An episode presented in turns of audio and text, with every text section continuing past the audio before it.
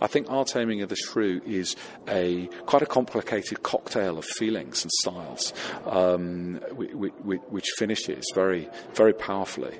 Um, and I think, like, like, like, I believe Merchant of Venice is a play about anti-Semitism. Um, Taming of the Shrew is a, a play about um, misogyny as we know it